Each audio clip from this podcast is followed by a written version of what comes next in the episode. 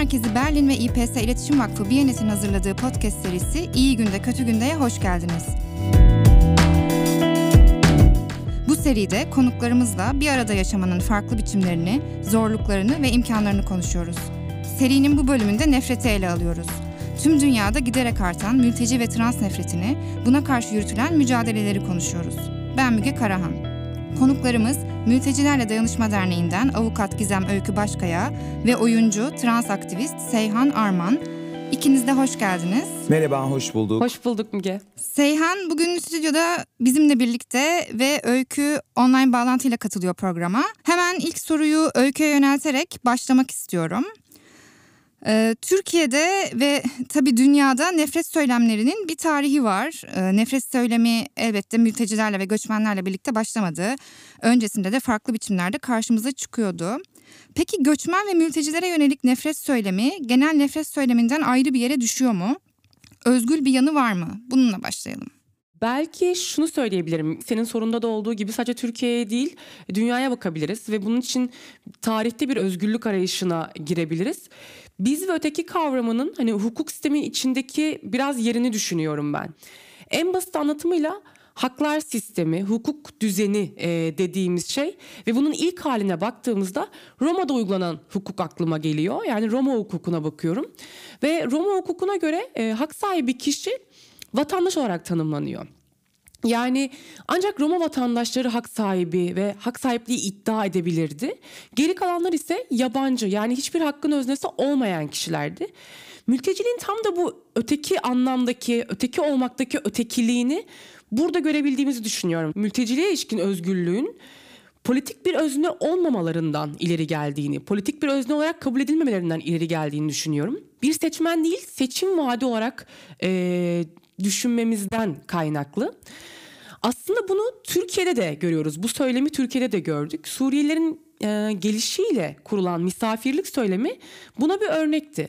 Misafir dediğimizde aklımıza gelen ilk şey e, misafirin geçiciliği, gelecek olanın bir gün gideceği. Ancak hani gerçeğe baktığımızda mültecilik dediğimiz şeyin ülkesinden zulüm tehdidiyle kaçmış ya da duran herkesin altında kalacağı bir yıkımdan kaçmış insanların dönecek bir yeri olmadığını düşünürsek yani mültecilerin dönecek bir yeri olmadığını düşünürsek aslında tam da bu özgürlüğü burada arayabileceğimizi düşünüyorum. Peki mülteciler ve göçmenler gündelik hayatlarında ne tür ayrımcılıklara maruz kalıyorlar ve nefret söylemiyle ırkçılıkla nasıl mücadele ediyorlar? Hem öz örgütlülükleri hem de gündelik mücadele mekanizmaları bağlamında anlatabilir misin? E, güncel bir örnek ile açıklamaya devam edeyim. Bayram izinleri Suriye Savaşı'ndan da önce iki ülke arasında çift taraflı olarak uygulanan var olan bir uygulamaydı. Hatta savaş başladığında 3 yıl kadar uygulanmadı. Şimdi ise sadece Suriye vatandaşları için Türkiye'den Suriye'ye belli bir süreyle gidip gelmeyi kapsayacak şekilde uygulanıyor ya da uygulanıyordu. Ancak kamuoyunda özellikle sosyal medyada birden yükselen nefret söylemiyle yıllardır uygulana gelen bayram izni uygulaması hiçbir haklı gerekçe olmaksızın, hiçbir değişen durum olmaksızın sonlandırıldı. Ve aslında hak sahipliğini vurguladığım mültecilere, Suriyelilere hiç sorulmadı. Hiç fikirleri alınmadı. İşte burada hak sahibi olarak görülmediklerini görebiliriz. Suriyelilerin dönme ihtimalini bunu mümkün kılmayı amaçlayan bir uygulama bile bir günde gereksiz şekilde sonlandırılabilir. Aslında Suriyelilere tanınan geçici koruma statüsünün kendisi bile bu örnekten farksız değil. Bir sabah uyandığımızda bu korumanın sonlandığını görebiliriz. Bu derece hukuki korumadan uzak bir durum. Yine yakın tarihli bir olaydan örnek vermek istiyorum. E, muz yeme provokatif eylemleri olarak adlandırılan ve operasyon, ceza soruşturmaları, statü iptalleri, sınır dışları ve geri gönderme merkezlerine kadar uzanan bir süreci örneklendirebilirim hafızamızı yenilemek için bir arka plan bilgisi vermek istiyorum. Ne olmuştu? Sosyal medya platformunda bir video paylaşıldı. Bu videoda e, bir kadın bir erkek iki Türkiye'li ortaokul e, ve belki lise çağlarında bir Suriyeli kız çocuğuyla tartışıyordu ve şunu söylüyordu. İşte siz pazarda giysi reyonundan alışveriş yapıyorsunuz. Siz e, muz alıyorsunuz biz alamıyoruz. Yani o siz ve biz dili var yoksulluktan, muz yememekten, giysi alamamaktan Suriyelileri suçlamak ya da temelde mültecileri suçlandığını gördük bu videoda. Ve sonrasında sadece Suriyelilerden değil, mültecilerden yani farklı uyruk gruplarından da bu videoya karşı hmm, nasıl söyleyebilirim? Belki hani ideal bir dünyada komik bile bulabileceğimiz ee, ve bu videoyu eleştiren videolar geldi. Bu videoları yapanlar sadece Suriyeliler değildi. Diğer mülteci gruplarından da kişiler vardı. Çünkü sokakta, okulda, markette, hastanede, iş yerinde karşı karşıya kaldıkları, maruz kaldıkları ayrımcılık ve nefret söylemleri hemen hemen her şeyin suçlusu ilan edilmekten sıkılmışlardı. Oysa burada basitçe bir ifade özgürlüğü söz konusuydu. İfade özgürlüklerini kullandılar. Bunu barışçıl şekilde yaptılar. Oysa biz ne gördük? Yine mültecilerin hedefe alındığını, hatta bu hedefe alınmanın operasyonlar yoluyla devlet tarafından desteklendiğini gördük. Misafir söyleminin altını çizdin öykü. Bu söylemin bir arada yaşama dair bir söz taşımadığı, hiçbir anlam ifade etmediği ortada. İktidarın kullandığı söylemlerden ziyade aslında kendi sloganlarımız, kendi ürettiğimiz sözler daha yapıcı oluyor ve elbette bir arada yaşama dair de daha fazla söz söylüyor. Bu anlamda aklıma LGBT artıların, transların alışın her yerdeyiz sloganı geliyor. Bu slogan biz hayatın, gündelik yaşamın her alanında her yerde olacağız, varız, birlikte yaşayacağız diyor aslında. Bir arada yaşamaya dair de çok daha fazla söz söylüyor, daha fazla şey öneriyor. Hemen sana sormak istiyorum Seyhan. Transların maruz kaldığı nefretin özgül yanları var mı?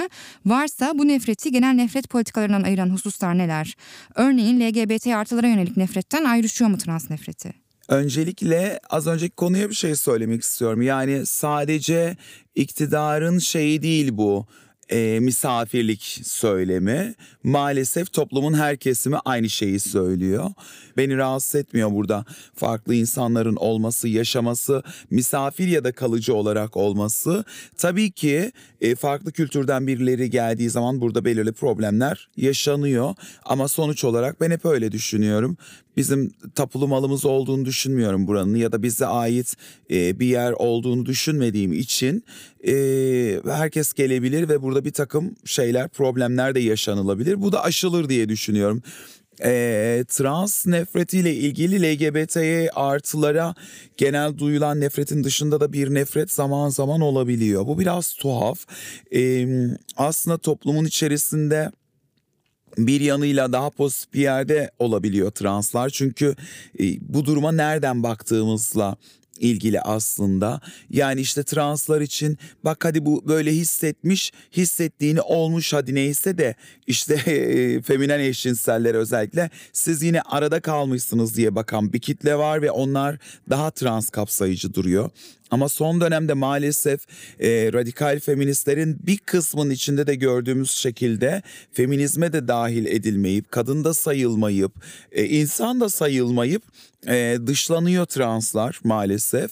Yani genel itibariyle böyle bir şey var. Bir de e, en büyük problem insanların bahaneleri zaten böyle şeylerde. İşte bu mülteciler için de öyle.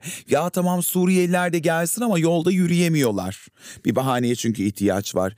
E, translar da okeyler ama işte onlar da hep seks işçiliği yapıyorlar. Ayarsız davranıyorlar. Çok makyaj yapıyorlar. İşte burada bağırarak konuşuyorlar falan gibi. Bir de translar LGBT artıların geneliyle e, geneline göre değerlendirdiğimizde toplumdan daha çok dışlanmış oldukları için dışlanmış olduğumuz için sanki başkalarından bahsediyormuşum gibi oldu. E, maalesef biz bu toplumla beraber e, uzun yıllar yaşayamadık. Belirli bir kültüre hapsedildik, belirli bir noktaya hapsedildiğimiz için e, metroya binmeyi bile öğrenmemiz gerekti. Bir kafeye gittiğimizde oturup kalkmayı bile öğrenmemiz gerekti. Çünkü yıllarca e, ev de verilmedi bize, kafelere de alınmadık, restoranlara da alınmadık. İşte belirli kaygılarımızdan o metroya, otobüse de binemedik. E doğal olarak bunlar için bir alışma süreci olacak yani hepimiz için. Bizim de öğrenmemiz gereken bir durum olacak. Ve seks işçiliği mevzu sanki translar gerçekten kendileri bile isteye bunu mesleki bir kariyer olarak düşünmüş gibi davranmak. İşte seks işçiliği yapıyorlar bir yandan e, bunu söyleyenlere hani şey dediğinde e, kendi iş yerine bir trans çalışanı alır mısın? E, hayır diyor. Veya bırak kendi iş yeri olmasını gittiği bir iş yerinde trans olması bile onu rahatsız ediyorken öteki taraftan eseks işçiliği yapıyor. Sence neden seks işçiliği yapıyor translar yapmak zorunda?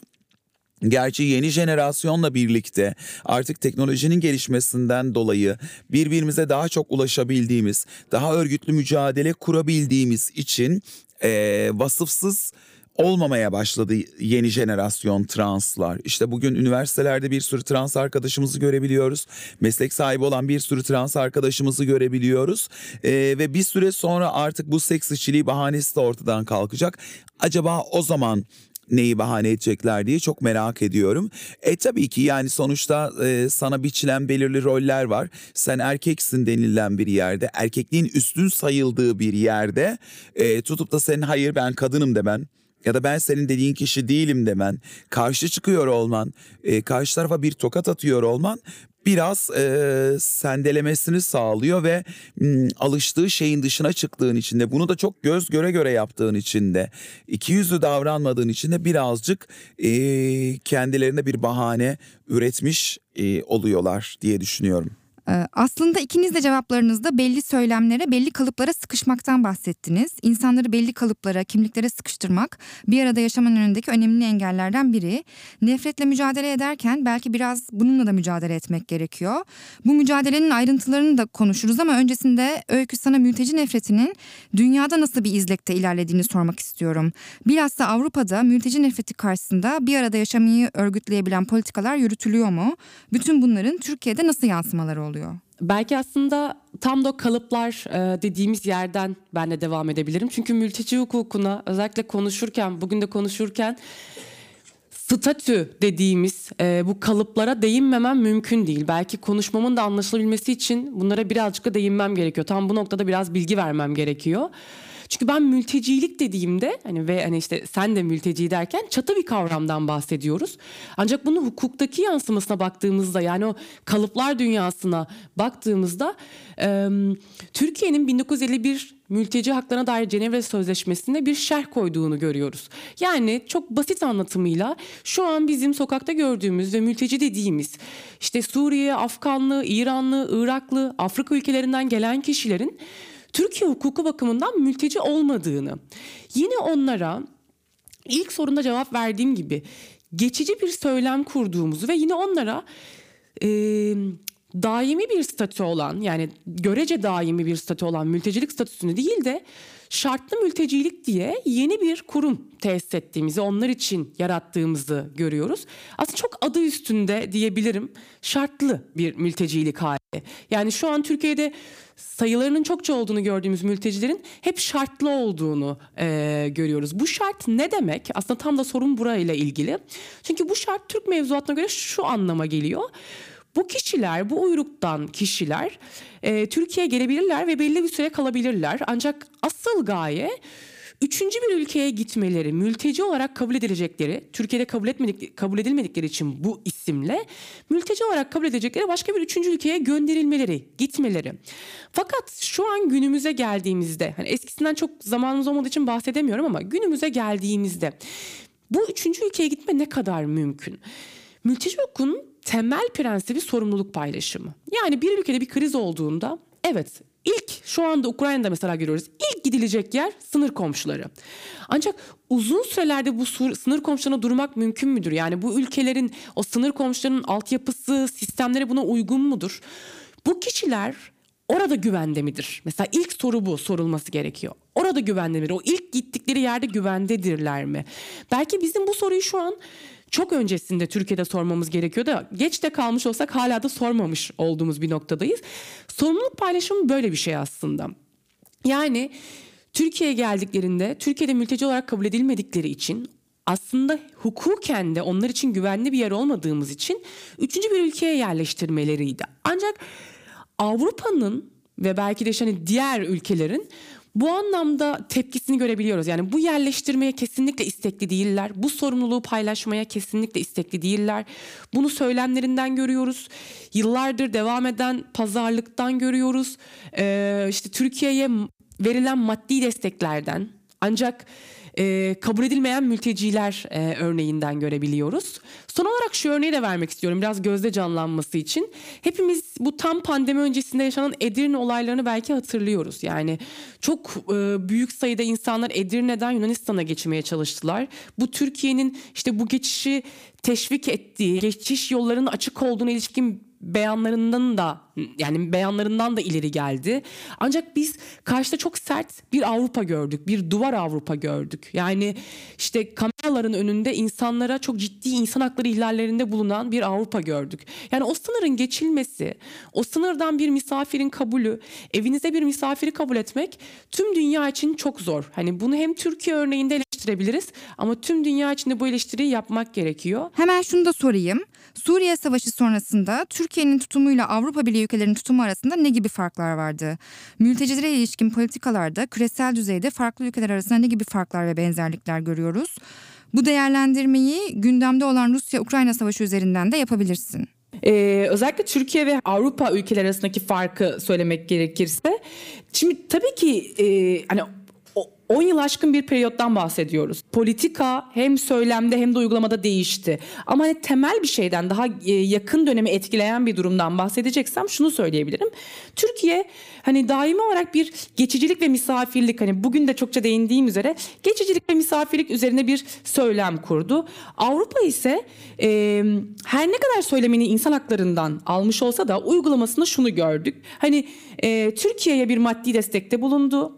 Dedik ki Türkiye sınır komşusuydu. Türkiye'de kalsınlar. Hani biraz önceki soruda da değindiğim gibi ben kendimi kapatıyorum. Şatomun içinde kalmak istiyorum. Duvarlarımdan kimse geçmesin mümkünse. Buradan insan hakları üzerinden konuşacağım dedi. Aslında gerçekten böyle bir söylem kurdu ve hala da bu devam ediyor. Yani sanki bunu bir Türkiye'nin sorunuymuş gibi ya da işte bu bölgenin sorunuymuş gibi adlediyorlar. Her ne kadar söylemde bunu belirtmeseler de daha kapsayıcı bir söylemde bulunsalar da Avrupa'nın yaptığı uygulama e, aslında bahsettiğim bu sorumluluk paylaşıma da aykırı şekilde. Hani mültecileri daha çok bir yerde tutma özellikle Suriyeli mültecileri ve hani Afganistan'dan gelen kişileri, Afgan mültecileri bu sınırda tutma. Hani Avrupa'nın o e, genişlemiş sınırları denen işte Yunanistan, İtalya'ya dayanan o sınırlardan içeri almama şeklinde görüyoruz. E, bu şekilde uygulandı ama malum hani hiç beklemediğimiz bir durum yaşandı. E, Şubat ayında ve işte Rusya'nın Ukrayna'ya saldırmasıyla aslında Avrupa sınırlarında artık arada başka bir ülkenin olmadığı bir savaş meydana geldi ve işte çok hızlı sayılarla hani belki de işte o 2014-2013 sırasında Türkiye girişler gibi çok yüksek sayılarla e, Ukrayna'dan e, Avrupa'daki komşu ülkelere e, mülteci girişleri başladı. Um, şunu değerlendirebilirim belki. Evet bu bir krizdi. Kitlesel bir akım vardı. Aynı Suriye Savaşı'ndan sonra Türkiye'ye meydana gelen gibi bir kitlesel hareket oldu. Ve Avrupa Birliği çok kısa sürede yani yaklaşık 10 günü doldurmadan, savaşın başlamasına 10 günü doldurmadan Ukraynalılar için geçici koruma ilan etti.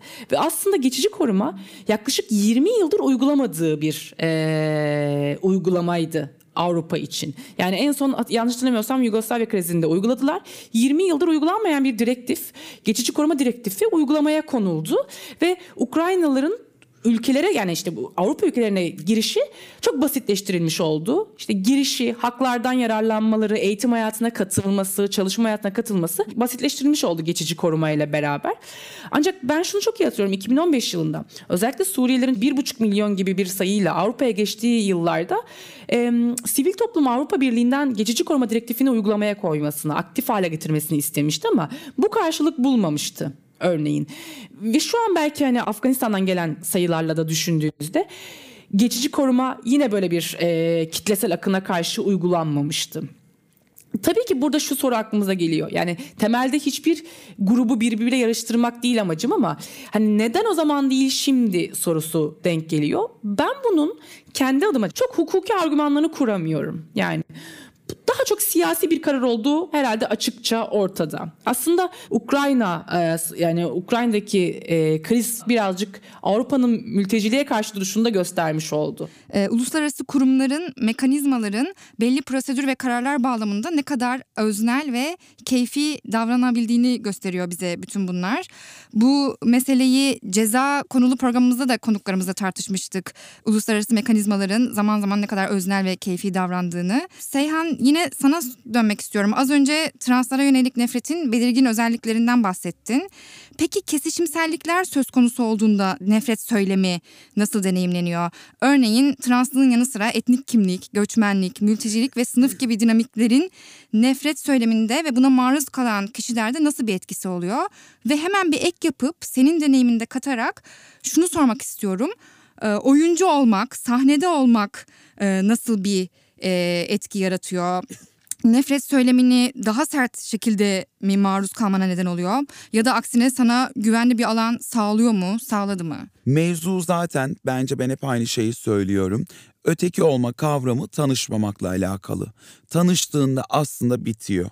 Yani bugün işte Afganlara öteki gözüyle bakan insanlar da Afganlarla tanışmış değil ya da translara ya da işte Kürtlere ya da Alevilere fark etmez. Kendimize göre belirli ön yargılarımız var. Dışarıdan öğrendiğimiz ve e, ön şartla okeylediğimiz şeyler var. Evet bu böyledir. Translar da ayarsızdır. Kürtler de işte bölücüdür. Afganlar da bilmem nedir diye düşündüğümüz şeyler var ve bunları aslında tanışarak yıkabiliyoruz. O yüzden tanıştığımızda kesinlikle geçeceğine inanıyorum ve e, mücadelenin de aslında e, o tanışmayı sağlayacak e, şeyler yaparak kazanılabileceğini düşünüyorum. Ee, ama birileri tabii ki yani kendi içinde tanısa da tanımasa da her halükarda o, o büyük bir nefretle doluysa orada yapabilecek bir şey yok. Ee, kendi sıraladığı bahaneleri üzerinden söylüyorum bunu. Yani evet o tanışmama mevzunda bütün ötekiler bence birleşiyor gibi geliyor. Bir yanıyla translar ayrıca yine çok söylediğim bir şey biz ötekinin de ötekisiyiz. Yani e, LGBT, e, LGBT artılar içerisinde de e, öteki sayılıyoruz. Az önce e, saydığım mevzulardan dolayı hmm, Kürtler için de mesela bu birazcık e, böyledir. İşte çünkü yapıştırılmış şeyler var üzerine ve onları artık atamıyorsun. E, o sebeple de e, özellikle ayrıştırdığımız kesimler olabilir ama genel olarak da bu tanışmama mevzu olduğunu düşünüyorum bahsettiğin şeyde oyunculuk mevzuunda maalesef ki gerçekten iki yüzlü bir toplum olduğumuz için bu Avrupa'da Amerika'da nasıl bilmiyorum. Büyük ihtimalle orada da aynıdır ama sahnede olanı alkışlamak gibi bir huyumuz var. Ve sahnede olanı yüceltmek gibi de bir huyumuz var. Çocukluğumda beni e, çok feminen bir çocuktum yani orada işte taciz edecek sözler, ibne top, homo dönme ne diyorlarsa artık bunların hep önüne sanatçı çocuk etiketi geçti. Çünkü bir dönem radyoda çalışıyordum ve o zamanlar radyoda çalışmak bir şeydi. Sesimi radyodan duyuyor olmaları ya da reklamlarda beni görmeleri. Ne bileyim işte tiyatro sahnelerinde izlemeleri, palyaçoluk yapıyordum. Palyaço olarak görmeleri bile. Aslında bir yandan mesela palyaçoluğu aşağılarız ama bir taraftan da aa sanatçı çocuk dedikleri için bu beni kurtaran şey oldu. Günümüzde de öyle. Ee, yani insanlar direkt beni e, translarla ilgili bütün ön yargılarından ayrıştırıyorlar. Sen sanatçısın. Sen sahneye çıkıyorsun. Bak ne kadar da başarılısın diye. Halbuki cinsiyet kimliğimle orada yaptığım şey bence çok farklı. Ama dediğim gibi bu bir iki yüzlülük ve yapabilecek bir şey yok. Bunun en büyük örneklerinden birisi bence Zeki Müren'dir. Zeki Müren'i hepimiz çok seviyoruz. Ben de çok severim kendisini. Ama mesela baktığın zaman insanların bizi kodlamalarına göre değerlendirirsek ben Zeki Müren'e baktığımda e, bir travesti görüyorum karşı cinsin kıyafetlerini giymesi üzerinden.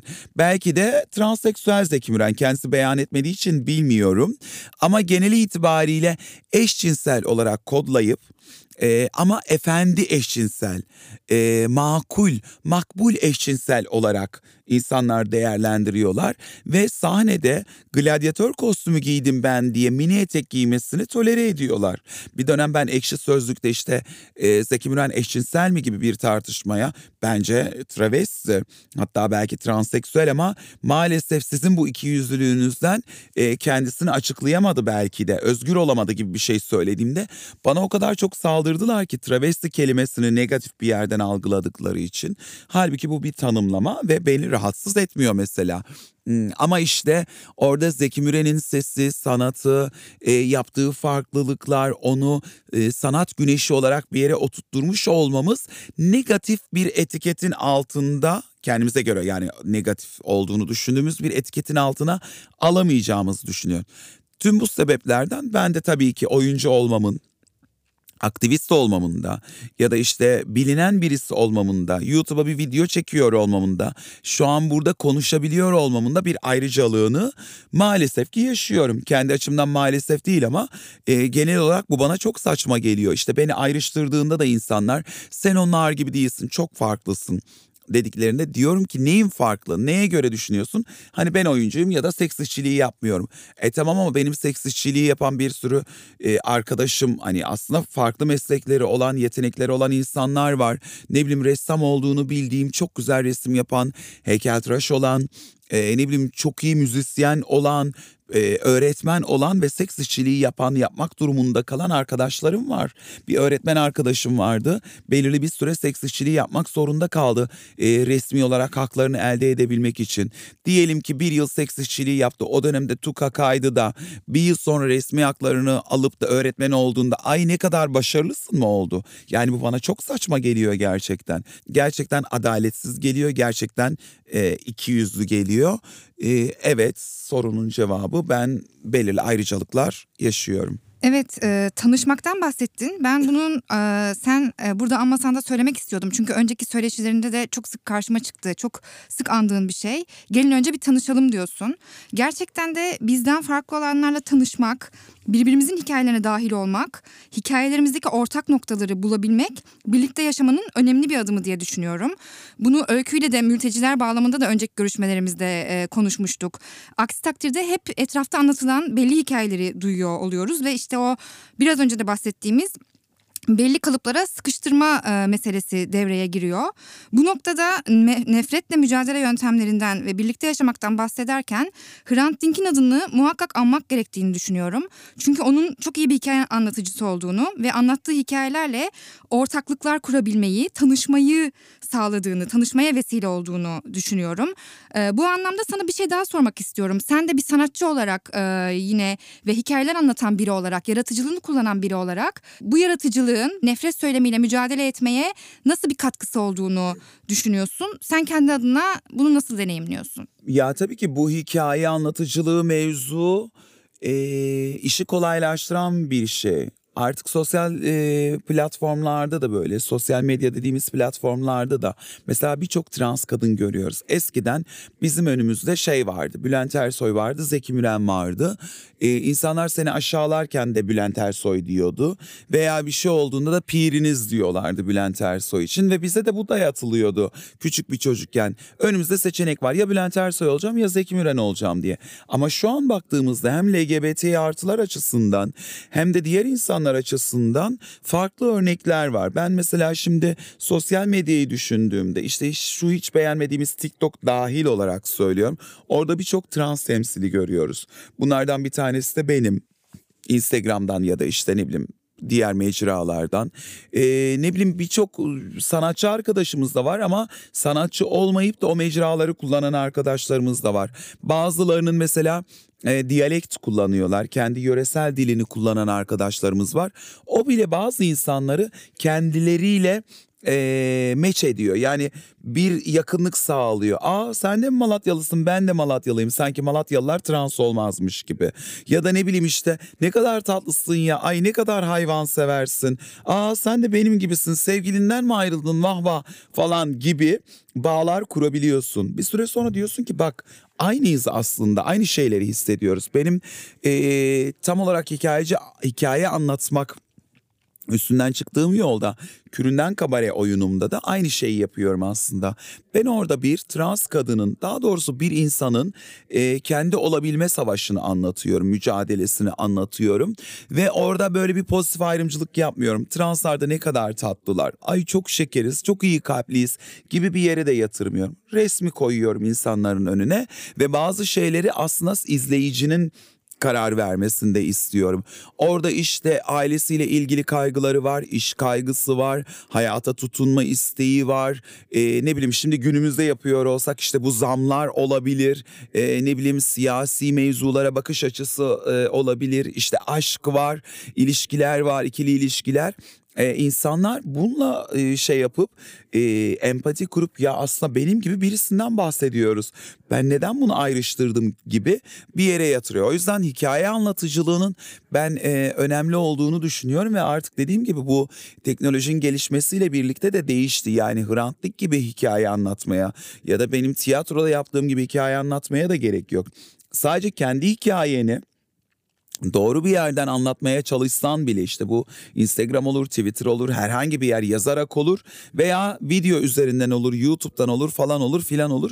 Buradan da çok etkileniyor insanlar. O yüzden hikayelerimizi ne kadar çok kişiye anlatırsak, ne kadar çok kişiye ulaşırsak bunları yapmak zorunda değiliz tabii ki e, normal e, hayal ettiğimiz bir dünyada ama maalesef ki şu anki gerçeklikte de yapmak zorundayız. Yani ne kadar insana ulaşırsak bu böyle. Ben şimdi kadınlar matinesi yapmaya başladım. Yani annelerimiz, teyzelerimiz gibi düşünelim.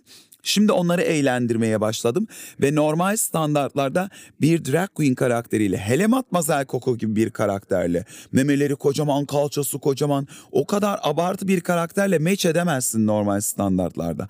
Drag queen bir karakter Matmazel Coco gibi bir karakter hiç rahatsızlık vermiyorsa bunun için bir de para verip geliyorsa çünkü o kadınların şeylerine bakıyorum işte 150 lira bile olsa oradaki o e, şey matine kocasından izin alması gerekiyor.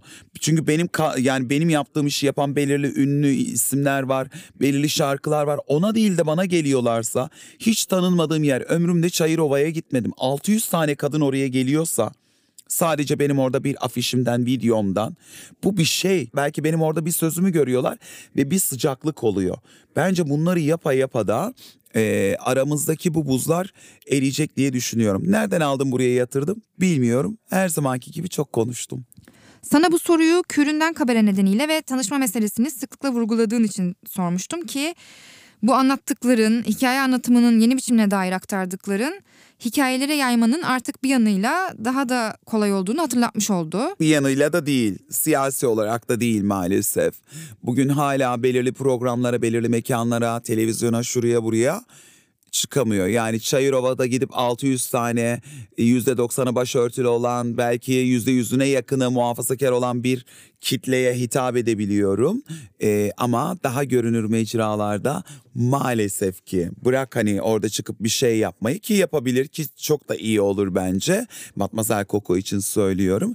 Ama bunun haberi bile yapılamıyor. Bir yandan böyle bir baskı tabii ki var. İnsanlar baktığın zaman şey yapıyorlar ya. En çok tilt olduğum mevzu da bu. Ay eskiye göre çok rahatsınız. Neye göre rahatız canım? Teknoloji ilerledi, dünya değişti. Yani dünya 100 adım atmışken bizim eskiye göre 20 adım atmış olmamızı şey mi sayıyorsun? Ay 20 adım attık diye. Evet 20 adım attık bu arada. Hmm, hani tam sayısı bu mu bilmiyorum uyduruyorum ama e ama 100 adım atmamız gerekiyordu.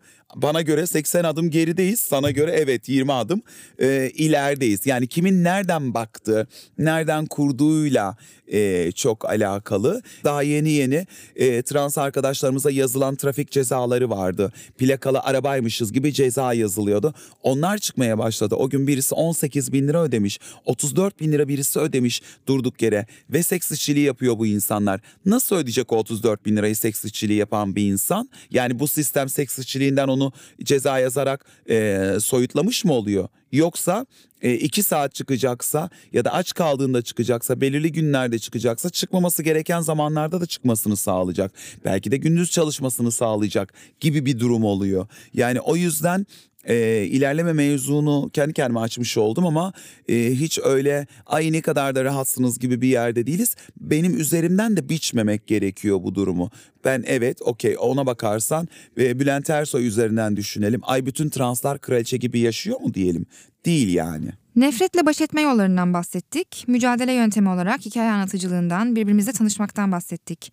Peki Öykü şunu sormak istiyorum. Mültecilere yönelik nefret söylemiyle, nefret politikalarıyla mücadele ederken kimlerle ittifak yapılabilir? Müge hani sizi dinlemek çok keyifliydi ama benim de aklımda belki bu soruyu cevaplarken birazcık hem senin söylediklerine hem de Seyhan'ın söylediklerine atıf yapmak istiyorum. Çünkü çokça tar- tanışmalardan, karşılaşmalardan, olumsuz önyargının yanında olumlu önyargılardan da bahsettik. Mültecilikte de bunun yansımalarını görüyoruz. Örneğin e, mülteciliğin ne bir mazlum, mağdur, misafir olarak tanımlamak istiyoruz. Ne de bir suçlu grubu, sanki bir suç işlemişler, işgalciler, işte vatanını bırakmışlar, kaçmışlar, kaçaklar, kriminalizeler. Bu şekilde tanımlamak istemiyoruz. Her iki nokta da aslında yanlış bu anlamda tanımlama bakımından. E, Seyhan'ın söylediğine çokça katılıyorum bu anlamda. İnsanları tanımlamamak gerekiyor, homojenleştirmemek gerekiyor, bir çatı altına almamak gerekiyor. Zaten hukuk bunu çokça yapıyor. Hani yani evet gün sonunda yapacağımız tek şey insanları hiçbir statüsüne bakmaksızın hak öznesi olarak görmek. Bence en can alıcı kısım e, burada.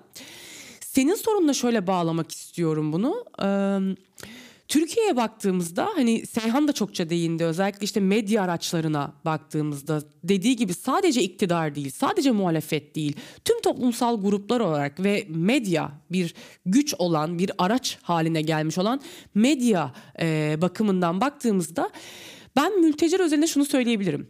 Bir e, sürekli birbirini onaylayan bir zincir kurulmuş durumda. Bu bir kültür gibi yerleşti Türkiye'de. Belki tüm Türk dünyada böyle. Ee, bir onaylama kültürüyle karşı karşıyayız. Yani bir söylem ortaya çıkıyor. Örneğin çokça söylediğim gibi misafirlik söylemi. Bu evet iktidar tarafından üretiliyor ama bu söylem muhalefet tarafından da kabul ediliyor, onaylanıyor. Bu medya tarafından yayılıyor. Hani bütün sosyal e, gruplara e, yayılıyor, bilgisine getiriliyor. Sosyal gruplar bunu tekrar onaylayarak aslında bu zinciri e, tekrar tekrar üretmiş oluyorlar. E, bu anlamda belki hani medyanın ve muhalefetin dili özellikle çok önemli. Çünkü onlara ister istemez bir zinciri kırması e, görevini üstlenmelerini istiyoruz. Onların zincir, bu zinciri, onay zincirini kırmasını isterken onlar tam aksini yapmakta. Buna şöyle çok güncel bir örneği de verebilirim belki. Muhalefet partisi üyesi olan belediyelerin güncel ta- tavrı, özellikle mülteciler bakımından bence bunu çok net gösteriyor. Bu e, tüm kurumlarla, gruplarla e, ve işte sosyal gruplarla bir e, onaylama kültürünün olduğunu e, net bir şekilde gösteriyor. Daha somut bir örnek için şunu söyleyebilirim. Evet biz savaştan kaçan insanlardan ya da bir zulüm tehdidiyle ülkesini bırakıp kaçmak zorunda olan insanlardan bahsediyoruz. Ancak bu insanların hani artık e, zaman geçmesiyle yani geniş zamanlarda sanki bir balonun içinde hapsetmeyi bekleyemeyiz. Yani onların sürekli ağlayan, sürekli bir kaybın yasını tutan işte ya da sürekli bir kaybın öznesi, bir mazlum, mağdur olarak olmalarını bekleyemeyiz. Böyle değil. Yani günlük hayat böyle değil. Örneğin denizde giriyorlar. Neden denize giriyorlar? Denizde ne işleri var? Gitsinler işte ülkelerine savaşsınlar ya da savaşmıyorlarsa da bunun için burada ağlasınlar söyleme işte aynı yanlışlıkta. Aynı mağduriyet bekleme ve aynı hak öznesi olarak görmeme, bir insan olarak görmeme aslında. Ben bu anlamda hani sizin dediklerinize katılıyorum. Hani son bir cümleyle söyleyecek olursam temelde yani hiçbir olumlu olumsuz ön yargı eklemeden karşımızdaki kişinin bir grubun parçası değil, tek başına bir hak öznesi olduğunu kabul etmek gerekiyor başta diye düşünüyorum. Evet onaylama zihniyetinden bahsettin. Bu zihniyet aslında gerçekten hem toplumu, tüm toplumu hem de siyasi aktörleri nefrette birbiriyle yarışır hale getiriyor neredeyse. Ee, ve hani bütün bu anlattıklarında aslında Seyhan'ın anlattıklarıyla ve hani e, başından beri konuştuklarımızla bütünleniyor. Yine hikayelere ve tanışma meselesine bağlanıyoruz. Ona bir eki yapabilir miyim? Hı hı. Yani şöyle bir durum var genelleştiriyoruz. Benim çalıştığım iş yerlerinden örnek vereyim. Yani herkesin geldiği bir yer diyelim ki bir trans kadın gelip de orada e, tırnak içinde söylüyorum ayarsız davrandığında mekandan atılmasını sağlayacak bir şey yaptığında o kişiyi atıp onu etiketlemiyorlar. Bundan sonra transları almıyoruz diyorlar. Neden? Yani bir cis kadın, na trans bir kadın ya da bir erkek, e, cis erkek orada bir problem yarattığında onu atıp bütün erkekleri almamaya mı başlıyorsunuz? Hayır. Hep aynı şeyi bekliyoruz. Hep istiyoruz ki e, bu acıma mevzu hastalıklarda da böyle. HIV pozitif ya da kanser olan birine acımak istiyoruz. Onu da kendini acındırmasını bekliyoruz. Güçlü durduğunda böyle bir anlayamıyoruz, bir şey yapamıyoruz. Çünkü orada da kodluyoruz. Hani sen savaştan kaçtıysan böyle davranacaksın. İşte ne bileyim transan madem bizim gibi değilsen zaten eziksen o zaman güçlü olamazsın. İşte Porsche'ye binemezsin. Atıyorum gibi böyle şeyler var ve birisinin yaptığı bir durum o, o durum negatifse bile e, herkese yayma mevzu var bunun altını çizmek istedim. Peki sana da soracağım. Ee, translar birlikte yaşamanın yollarını ararken ve nefret söylemiyle mücadele ederken kimlerle ittifak kurabiliyor? Ee, trans nefretine karşı kalıcı kurumlar, yapılar oluşturulabiliyor mu sence? Kısaca bundan da bahsedebilir misin? Bence hiç kimseyle. Ee, biz bundan önce de mücadelemizi kendimizle verdik. Yani sadece translarla. Çünkü daha düne kadar e, LGBT artı dernekler, e, örgütler de transfobikti. İşte biz o örgütlerin içerisinde toplantılara alınmadığımızı da biliyoruz. Partilere dahil edilmediğimizi de biliyoruz. Bizi almayan kulüplere bir sürü aktivistin gidip e, dans ettiğini de biliyoruz. Yani birçok şey yaşadık. Tabii ki geldiğimiz noktada bazı şeyler değişti. E, kendi camiamız da birazcık transfobisini aştı. Ama buna rağmen problemler var. Mesela son dönemde 3-5 kişi de olsalar 10 kişi de olsalar fark etmez. E, radikal feminist kadınların içinde yaşadığımız şey çok ortada. Yani önce ben böyle çok ciddiye almak istemedim. Söylemlerini gündeme getirmek istemedim. Ama açık açık bize nefret kusmaları artık. Direkt böyle erkeksin, işte penislisin, e, genitalimizden çok eminlermiş gibi. Veya bunun tam tersini söyleyip sen bana penisli dedin ama ben değilim diyene de zaten damacana gibi senin işte vajinan, işte bilmem ne, asıl olan budur gibi. O kadar nefret kustular ki bunlar benim mesela çok modumu düşürmüştü. Çünkü ben hep e, cis kadınlarla bir arada yürüdüğümüzü düşünüyordum ve beni bugüne kadar düştüğüm bütün çukurlardan erkekler değil kadınlar çekip aldılar. Benim hayatımda çok büyük destek oldu kadınlar ve hani ben kadın sayılırım sayılmam işte transım oyun buyum bütün bunları geçerek söylüyorum. Ben kadınlara minnet borçluyum. O kadar çok genital üzerinden e, vurmaya çalışıldı ve varlığımızı oradan sorguladılar ki siz işte penisli doğdunuz ya da penislisiniz siz erkeksiniz diye veya işte erkek olmanın ayrıcalığını yaşadınız. Şimdi sana göre ayrıcalık gelen şey bakayım bana göre ayrıcalık mıydı? Ben belki zulüm gördüm o mevzudan dolayı. Ben belki erkek sayılmak istemiyordum veya sayılmak da istiyorum fark etmez. Bu değişir. Hem böyle genellemek hem böyle etiketler bu nefretler beni birazcık modumu düşürmüştü. İki gün önce böyle çok genç kadınların olduğu bir gruba katıldım.